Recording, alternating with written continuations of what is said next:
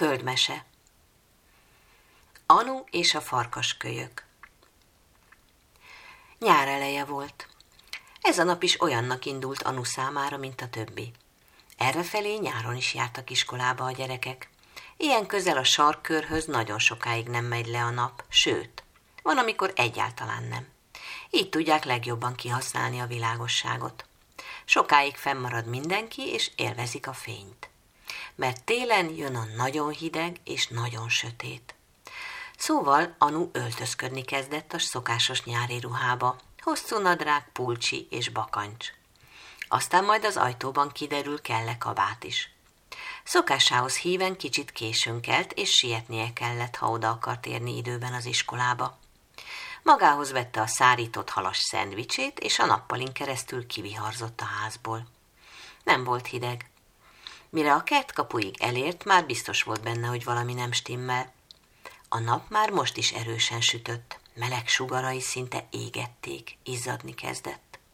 Visszanézett az ajtófélfán álló hőmérőre, 30 fokot mutatott.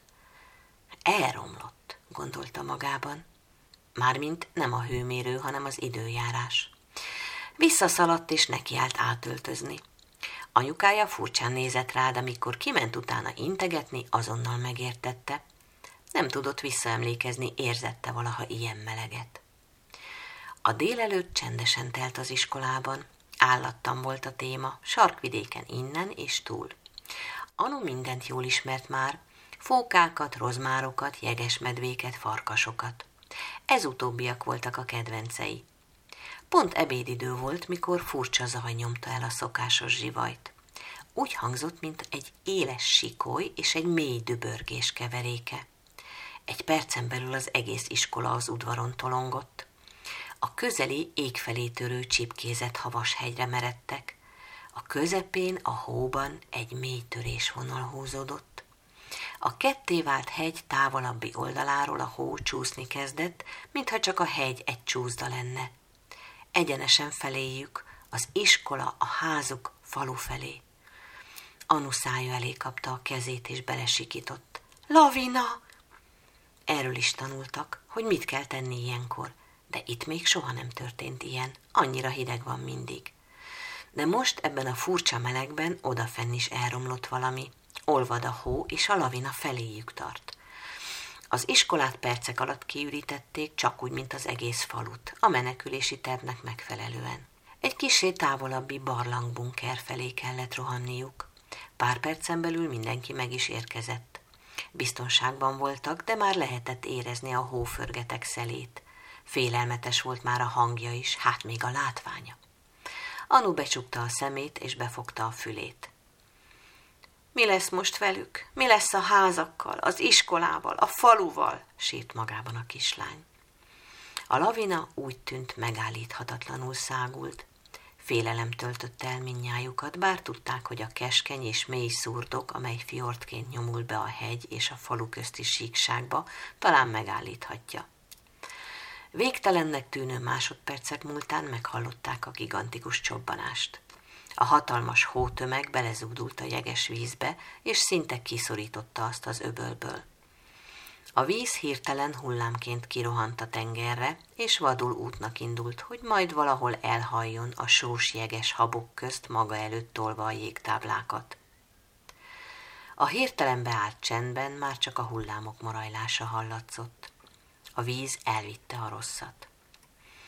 Lassan merészkedett csak elő a falu népe, Alig mertek hinni a szemüknek, amikor érintetlenül találták otthonaikat. Anu ajkairól felszakadt egy sóhaj. Persze a tanítás aznapra befejeződött, de a tanító maga köré gyűjtötte az osztályt, és így szólt. Ha velem tartotok, most igaziból megtanulhatjátok, amiről eddig csak beszéltünk. Megnézzük, mit művel egy lavina, de csak az igazán bátrakat hívom. Az egész osztály vele tartott. Vitték a szendvicseiket, cuppogva lépkedtek az olvat hólében. Izgatottan csevegtek az átéltekről, észre sem vették, hogy eltelt egy óra, és elérték a fjordon átívelő hidat. Vagyis csak a helyét, mert a híd nem volt sehol. Azt leszakította a lavina. Egy csapásra elnémultak. Előttük magasodott a furcsán felemássá vált hegy. Egyszeriben megérezték azt a felfoghatatlan erőt, ami pillanatok alatt átrendezte itt a tájat.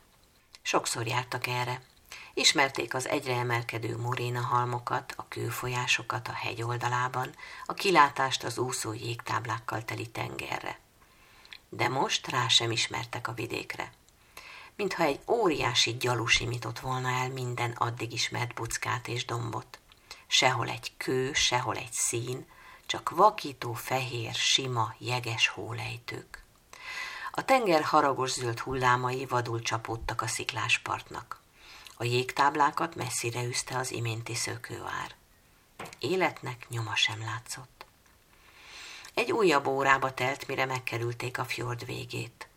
A gyerekek szétszélettek a hegylábánál, első döbbenetük után csúszkálni kezdtek a tükörsima lejtőkön. Anu egy hosszú csúszásnál messze landolt társaitól. Lábai megakadtak egy puha hófoltban, térdig belesüppett. Ahogy kalimpálva próbált kiszabadulni, hirtelen engedett körülötte a hó, és egy barlangba huppant. A letarolt tájon eddig nem tudott tájékozódni, de azonnal tudta, hová került. Sokszor figyelték a hegy oldalában azt a titokzatos, sötét szikla hasadékot. A vadászok azt beszélték, hogy farkasok tanyája az. Sosem mertek a közelébe menni. Anu megborzongott. Megúszta a lavinát, és most mégis a farkasok közt végzi. Ekkor halk szűkülést hallott maga mögött a sötétben. Ijesztő volt a vékonyka hang a tompa csöndben, de inkább kétségbe esett, mint félelmetes. Valaki van itt, aki nálam is jobban fél, gondolta a kislány, és lassan négy kézláb tapogatózva a hang felé mászott. Egy puha, remegő kis szörcsomót érintettek ujjai, apró, hegyes kis fogacskák kaptak finoman a kezébe – egy farkaskölyök volt. Anu óvatosan simogatni kezdte a reszkető kis gombócot. Ne félj, már nem lesz semmi baj, suttogta. Szia, kimukszuk, jól eltorlaszolt minket a hó. Kimunak foglak hívni, jó lesz? A kis farkas megnyalta a kezét. Anu elmosolyodott. Aztán észbe kapott, és feszülten hallgatózni kezdett a süket csöndben. De semmi. Ki tudja, hova sodorta a lavina a kicsi szüleit és a falkát. Most mit csináljunk? sóhajtotta. Magához ölelte Kimut, felállt és körülnézett. Még látta halványon a fénysugarat, ami azon a lyukon át tűzött be, ahonnan ő ide pottyant. A másik oldalon vaksötét. Meg van ott egy kékes pötty, nyilván a fénysugár tükröződik a jégen, gondolta. A lyukon semmiképpen nem fognak tudni kimászni, ezt az első próbálkozás után belátta. Kiáltozására sem érkezett válasz. Már épp kétségbe esett volna, mikor eszébe jutott apja mondása. Ha úgy érzed, semmit sincs, dönthetsz úgy, hogy csak arra gondolsz, amit van. Túléltem a hegy ketté szakadását, mormolta magában. A farkasok tanyáján sem esett bajom, és nem vagyok egyedül. Nem volt más lehetőség, hátat fordított hát a fénysugárnak, és elindult a titokzatos kék pöty felé. Hóna alatt vitte a kis szürke gombócot, aki már nem is remegett. Tapogatózva botorkáltak a hideg sötétben. Itt a hó alatt jóval hidegebb volt, mint fent, és nem volt rajta csak a reggeli szoknyája, póló és egy tornacipő. Gyorsabban szedte a lábát, hogy ne fázzon. Ahogy közeledett a fénypont felé, az elkezdett nőni, és egyre kékebben világított. Anu megörült, hogy hamarosan kikeveredik a barlangból, hisz biztos keresik már. Nem akarta, hogy az anyukája izguljon miatta. Futni kezdett, de megbotlott és orra esett. Kimu kigurult a kezéből. Ahogy felnézett, látta, hogy a pici állat hirtelen eltűnik a fényben. Anu megijedt, ám ekkor észrevette, hogy kezeit, lábait körbeöleli a meleg kék fény, és a következő pillanatban egy kis faház oldalában állt, egy rozog a fahídon. Kimu ott ült csendben, és mikor meglátta Anut, boldogan szaladt oda hozzá. Hol vagyunk? nézett körül Anu. Tanácstalan kis hang volt a válasz. Vagyis az nem lehet. Kimu azt vakkantotta, hogy nem tudom. A kislány rámerett. A kékes fény ott derengett mindkettőjük körül. Na hát, hiszen értem, amit mondasz, kiáltotta boldogan. Örömében felkapta a kölyköt, de a rozog a fahíd vészesen imbolyogni kezdett alattuk. Anu megtorpant, és újra körülnézett.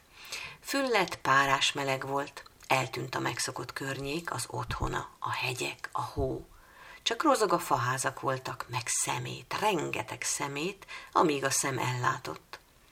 Hová kerülhettünk? tűnődött. Leszaladtak gyorsan a roskatak hídról, hogy a szeméttel borított úton induljanak tovább. Már épp ráléptek volna, amikor egy hang megállította őket. Ne! sikított valaki a hátuk mögött. Anu az ijegységtől mazdulatlanná dermett. Megfordult, és meglátta az út túloldalán a másik kislányt. Barna volt a bőre is, a haja is, a szeme is. Ne lépjetek rá! kiáltotta a kislány. Anu visszanézett a szemét halomra, mintha lassan hömpölyögne. Az nem lehet, rázta a fejét. De abban a pillanatban beléhasított egy érzés. Az otthona, hisz azt sem hitték volna soha, hogy leszakad a félhegy, és harminc fokot mutat a hőmérő. Mi ez itt? És ki vagy te? kérdezte a különös lányt. A kislány rájuk nézett, és szeme sarkában egy könycsepp jelent meg. Ajra vagyok, mondta a filippinó kislány. Ez itt pedig egy folyó. Kiskoromban gyönyörű, tiszta, kék, mint az ég, olyan volt. Sok-sok halúszott benne, ebben mostuk a ruháinkat, és rengeteget úszkáltunk benne a barátaimmal. Az egész városrész csodaszép volt. Csak pár év telt el, és most alig lakik már itt valaki. Kimu hozzászaladt, és ruhájánál fogva finoman Anu felé húzta. Anu kézen fogta ajrát, és a kék fény újra felizzott körülöttük. Ne félj, súgta. Becsukták a szemüket, és várták az utazást. A híd málladozó deszkái helyett egyszer csak forró, repedezett talajt éreztek talpuk alatt. Vakító napsütés és forróság remegett körülöttük. Kiszáradt, embermagas fű zizegett a lassú szélben. Egy kis emelkedőn álltak. Kimu hirtelen nyűszíteni kezdett, majd futásnak erett. A lányok izgatottan indultak utána. Egy helyütt a fűtenger szétnyílt előttük, és különös látvány tárult a szemük elé. Állatok óriási tömege ácsorgott lehajtott fejjel, vagy hevert a földön, körben, egy kisebb tópartján. Anu sohasem látott még e féléket, de a könyveiben látott képekről felismerte az oroszlánokat, zebrákat, orszarvúakat. Csak furcsálta, hisz otthon sosem jártak együtt inni a farkasok a rénszarvasokkal. Egy újabb furcsaság hasított belé az érzés ma már harmadszor. Ahogy alaposabban megnézte az állatokat, már látta, hogy mind csupa sár. Akkor vette észre, hogy nem is tó az, ami körül fekszenek, hanem egy hatalmas sártócsa. Valaki meghúzigálta hátulról a ruháját. Megpördült. Egy borzasztóan sovány, hatalmas, fekete szemű és fekete bőrű fiúcska állt mögöttük. Közelebb is mehetnétek, napok óta nem mozdulnak innen. A gyerekek értetlenül néztek. De hát mi történt velük? kérdezte végül Anu. És ki vagy te? A nevem Ejászú, ők pedig szomjaznak, válaszolta szomorúan a fiú. Ide szoktak járni inni esténként és reggelente. Először a ragadozók, aztán a többiek. De már sok-sok napja nem esett. Kétszáz, azt mondják az öregek. És az a furcsa kút, amit két napi járásra innen a fehér emberek ástak, kiszívja a vizet a föld alól, és most arra teljesen kiszáradt a tó. Itt laksz a közelben? Nem messze. A füvek túloldalán van a falunk. És ti nem szomjaztok? Időnként jön egy nagy autó, ami hoz nekünk vizet fura üvegben, aminek össze lehet taposni a héját. Csak fizetnünk kell érte, és adnak. Kimu morogni kezdett. Ejasu is felkapta a fejét, aztán a többiek is meghallották a közeledő motorzajt. Ez másféle autók hangja. Néha puskás emberek is jönnek, mióta észrevették, hogy ide gyűltek össze az állatok. Gyertek, gyorsan bújjunk el! Kiáltotta Ejasu, megragadta a kezüket, és a fűrengetegbe vetették magukat. Kimu már ott várta őket a kékes derengésben. Összekapaszkodtak, és újra útnak indultak. Kimu csak állt meg kövülten, és nézte a semmit. Anura várt, de sehol sem látta. Egyszer csak Anu megszólalt a háta mögött. Hát te itt vagy, mondta meglepetten. Nem láttalak. Sőt, igazából most sem látlak. Olyan félelmetes. Neked is? vakkantotta Kimu. Én is csak hallom, hogy itt vagytok. Mi lehet ez a hely? suttogta Ejasu. Olyan, mintha semmi lenne, mondta halkan Ájra. Alig kaptak levegőt, szemüket csípte a füst, vagy bármi is ez a tejfehér köt körülöttük. Egy autó dudált rájuk, arrébb ugrottak. A semmiből egy hatalmas, nagyon magas ház emelkedett ki. Rengeteg ember köröttük, és az égen, ahogy felnéztek, látszott egy naphoz hasonló korong sűrű, fekete füstben úszva, amit távoli óriás kémények eregettek. A gyerekek egymásra néztek. Ilyen lehet a világ vége, gondolták mind. Lassan botorkálva a város szérére keveredtek. Kevesebb lett az ember, és egy picivel jobban láttak már, de marta a torkukat a sűrű büdösség. Egy nagyon furcsa jelekkel ellátott, alacsonyabb épületet vettek észre. Nem tudták mire vélni, annál biztosan jobb, mint ami idekint van, gondolta Anu, és intett a másik két gyereknek.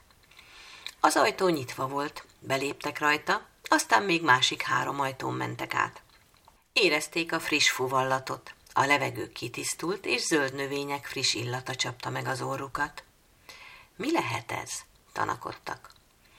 Egy oázis, szólalt meg egy kisfiú mellettük. Egy sokadik ajtó mögül lépett ki. Rövid, fekete haja volt, nagy barna szemei, amik kicsit mandulára hasonlítottak. Egyidős lehetett velük. Csend vagyok. Ez a sok szép virág, fa és növény a szüleim érdeme. Mi itt élünk, és nem megyünk ki oda.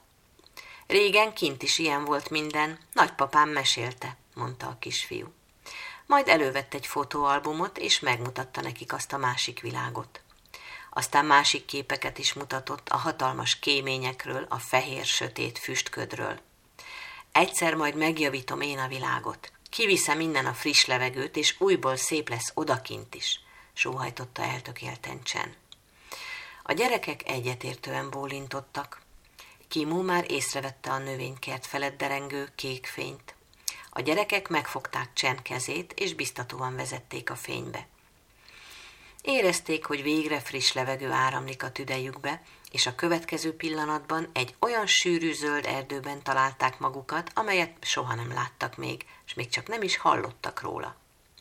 Kimu egy farönkön állt és várta őket. Köré jegyültek mindannyian, és kíváncsian nézték a torony magas fákat. Anu ajra felé nézett, és felsikoltott. Egy óriás kígyó kúszott le egy fa ágán, egyenesen ájra felé. Minden olyan gyorsan történt. A kígyó már nagyon közel volt, de mire megmozdulhattak volna, nyilvesszők fúrottak a földbe, ajra és az óriás kígyó közé. A kígyó megtorpant, a következő pillanatban pedig egy furcsa, emberszerű lény száguldott át a levegőn. Felkapta a lányt, majd átrepült vele a fejük fölött. Ahogy földet ért, már látták, hogy egy fiú az, hátára kötve egy így feszült, és egy indába kapaszkodva szelte át a levegőt. Manu vagyok, gyertek velem, itt veszélyes, mondta nekik a fiú. Futva indultak el egy ösvényen, alig bírták követni Manut. Egy hatalmas fához értek. A fiú olyan könnyedén mászott fel rajta, mint a majmok, majd ledobott nekik egy indákból font kötelet. A gyerekek elindultak a nyomában felfelé. Te itt élsz? kérdezték Manut. Igen, itt fenn a nagy faodvában lakom. Itt biztonságos. De hisz te nem is féltél a kígyótól. Nagyon bátor vagy, mondta Anu. Tőlük nem szoktam, meg más állatoktól sem. Tudok magamra vigyázni. Mások elől rejtőztem el itt. Megmutatom. Gyertek fel a fa tetejére. Belül könnyen fel lehet mászni, mondta, majd elindult felfelé. A lombok tetejénél jártak már, amikor furcsa zaj ütötte meg a fülüket. Kinéztek. Hatalmas gépeket láttak, amint vágják ki a fákat, és ugyan még messze tőlük fel is égetik az erdő maradványait. Állatok százai futnak, menekülnek, madarak, majmok, jaguárok. Sokszor rossz felé, egyenesen az emberek irányába, ahonnan nincs menekvés. A gyerekek döbbenten álltak a faágain, arcukon köncseppek csorogtak. Egyszer ide is elérnek, de én nem adom a fámat, mondta Manu, és dühösen megmarkolta íját. Kimu felvonyított, és új társukhoz bújt vigasztalóan. A fa koronája felett megjelenő kékes fény megnyugtatta a gyerekeket. Megfogták egymás kezét, és érezték, hogy megszűnik ez a világ. Szokás szerint Kimu volt az első, aki megérkezett, de most annyira belemerült a játékba, hogy elfelejtett Anu elé szaladni. Végre valami szép és nyugodt környék. Boldogan haraptálta a hullámokat, miközben versenyt futott velük a parton. A nap melegen sütötte a homokos fövenyt, a pálmafák lengedeztek a szellőben. A gyerekek csendben leültek a parton, és békésen megpihentek. Eljászú és Manu felszaladtak egy különös fa tetejére, és sok sárga, hosszúkás valamit hajítottak le a többieknek. Banán, szólt Eljászú, otthon is van ilyen. Majd lehúzta a sárgás héjat, és elkezdte enni, ami benne volt. Finom, rabolt rá éhesen Anu is az egyikre. Finom, morogta Kimu is, aki héjastul ette. A békés napsütötte csendben úgy tűnt pár pillanatra elfeledhetik a sok rosszat, amit láttak. Még nem érzékelhették a parton, de az óceán felett a messzi távolban a szél egyre erősödött, és körbe-körbe kezdett forogni. A víz követte a mozgást, és haragos zöldbe váltva hófehér tarajokat fújt. Majd a széllel karöltve elindult a mit sem sejtő gyerekek felé. Egy náluk jó pár évvel idősebb nagylányt pillantottak meg, kezében egy zsinort fogott, amelynek végén papírsárkány szállt az égen. Nevetve szaladt feléjük a parti homokban, kimúval a nyomában. Az első nagyobb hullám akkor érte el a partot. Kimut egészen a gyerekekig gurította, prüszkölve köpködte ki a sós vizet. A gyerekek nevettek, viccesen nézett ki egy tengerből kiguruló szürke szőrgombóc. A szél felerősödött, és kikapta a papírsárkányt a lány kezéből, majd messzire repítette. A következő pillanatban a gyerekek azt érezték, mintha nem kapnának rendesen levegőt. Sós, párás lett hirtelen minden, a partnak már méteres hullámok csapódtak, és a pálmafák ágait is tépni kezdte a szél. Hurrikán! Futás! kiáltotta feléjük rémülten a lány. Egyszer már átélt ilyet. Tudta, hogy nagyon hamar ideér, és veszélyben van az életük. A gyerekek nem kérdeztek semmit, csak követték, amennyire tudták az egyre jobban tomboló szélben. Gyalog semmi esélyük nem lett volna elfutni, de Anni, így hívták a nagylányt, tudta, mit csinál. Egy kis furgon parkolt a parton.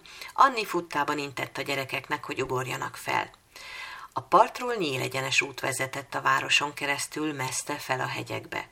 Anni padlógázt adott, és elindult a versenyfutása viharral. Egy órával később a parttól biztonságos távolságban leparkolt. Kifújták magukat, és beszélgetni kezdtek. Sosem láttunk még ilyet, mondták a gyerekek Anninek. Pedig sajnos egyre gyakoribbak felé az ilyen viharok, mondta szomorúan Anni. Hurrikának hívják, más néven, és nagyon veszélyes. Mindent elpusztít, ami az útjába kerül. A dombok mögött a nap lemenni készült. Földön túli szépségű volt, ahogy a vörös aranyon áthatolt a kék fény, és rájuk ereszkedett. Gyere velünk, hívták Annit a gyerekek, és megfogták a kezét. A kék fény elérte őket, és már utaztak is. Sophie épp becsukta maga mögött a házuk ajtaját, és kezében kilenc apró zsákocskával az utca végén álló szelektív kukák felé indult. Ekkor látta meg a különös kék fényt, benne a kis farkast és a hat gyereket. Nagyon meglepődött, de félni nem szokott. Ők biztonságos környéken laknak. Ti meg hogy kerültetek ide? kérdezte kíváncsian. Épp egy hurikán elől menekültünk, felelte Anni. Meg az esőerdőírtók elől, meg a smog elől, és a kiszáradt tó partjáról, és a szemét folyó mellől, és a lavina elől, tették hozzá egyenként a többiek. Sophie továbbra is hitetlenkedve merett rájuk, de amit mondtak, ismerősen hangzott számára. Apukája sokat mesélt már neki a távoli országokban történő egyre furcsább és ijesztőbb dolgokról. Én tudom, mi ez, mondta végül. Az emberek pusztítják a földet rengeteg helyen, és nem is tudják, mit okoznak. Mi itt szerencsések vagyunk, biztonságban élünk, ezért sokan el sem hiszik, hogy mekkora a baj a világban. Ti a saját szemetekkel kellett lássátok. Úgy sajnálom. Mindőjüket megölelte. Aztán tekintetében a szomorú együttérzés egyszer csak elszántságá keményedett. Gyertek velem! Kidobjuk a szemeteket, aztán csinálunk valami igazán jót. Együtt sétáltak tovább. A kukáknál a gyerekek kíváncsian figyelték, ahogy válogat, nem értették, mit csinál. Honnan szerezted ezeket? És most miért dobod el mindet? kérdezgették. Anni szégyenkezve nézett maga elé. Mi ezt sosem csináljuk, vallotta be. Senki sem mutatta meg, hogy így is lehet. Ajrának derengeni kezdett valami. Lehet, hogy nálatok nem a folyóba kerül a szemét. Így gyűjtjük, ami nekünk már nem kell, magyarázta Szofi. Vannak gyárak, amiknek pont ezek értékesek, és új dolgokat csinálnak belőlük. Azok biztos nem füstölnek annyira, mint nálunk, mormolta Csen maga elé. Nem, arra nagyon kell vigyázniuk, bólintott Szofi. Nekem azt tanították az iskolában is, hogy így, így védhetjük meg a környezetünket. Nálunk ez természetes is, mindenki így csinálja. De én mindig azt éreztem, hogy ez olyan kevés. És most már tudom is tőletek, hogy ezen kívül mennyi mindent tehetnénk még. Újra megjelent az előbbi elszántsága tekintetében. Gyerünk, kiáltotta. Már tudom, mit csináljunk. Mindőjükre átragadt a kislány izgatottsága. Kézen fogva futottak Szofiék házáig. Kifulladva toppantak be a nappaliba. Apa, segíts kérlek, szükségünk van a kamerádra. Apukája döbbenten merett a különös társaságra.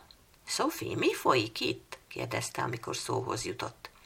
Ők a barátaim, apa. Bajban vannak, és nem csak ők, hanem mindenki ott, ahonnan jöttek. Talán segíthetnénk nekik kérlelte, majd a gyerekekhez fordult. Apa egy nagy világszervezet itteni vezetője. Ha neki elmondjátok, ami a ti hazátokban történik, azt talán az egész világ megtudhatja. Az apa szerette a meséket. Elnézte a világ hat sarkából érkezett gyerekeket, és most is úgy érezte, hogy egy mesébe csöppent. Jól ismerte a lányát, tudta, hogy komoly és megbízható gyerek. Valami olyan történik itt, amire nincsen magyarázat, de érezte, hogy sorsdöntő a pillanat. Elővette hát kameráját, és elindította a felvételt. Minden gyerek elmesélte a saját történetét. Anu maradt a végére. Ő itt Kimu, a farkaskölyök. Egy barlangban találtam a hó alatt. A családját elvitte a lavina, mert elolvadt a hegyen a hó a melegtől. Majdnem a mi falunk is oda lett, de szerencsénk volt. Legközelebb nem biztos, hogy az lesz. A barátaim közt van olyan, akinek az otthonán a szerencse már nem segíthet. Csak az, ha az emberek összefognak és leállítják a világ esztelen pusztítását. A föld gyönyörű. Láttam. A gyerekeimnek is szeretném megmutatni. Az apa leállította a felvételt. Holnaptól az egész világ látni fogja. Csak ennyit tudott mondani. Mindannyian megkönnyebbülten sóhajtottak. Kimu nyűszíteni kezdett. A nappali ajtaja kék fényben derengett. A gyerekek megölelték egymást, és egyessével megindultak arra felé, vissza, a változásért kiáltó valóságukba.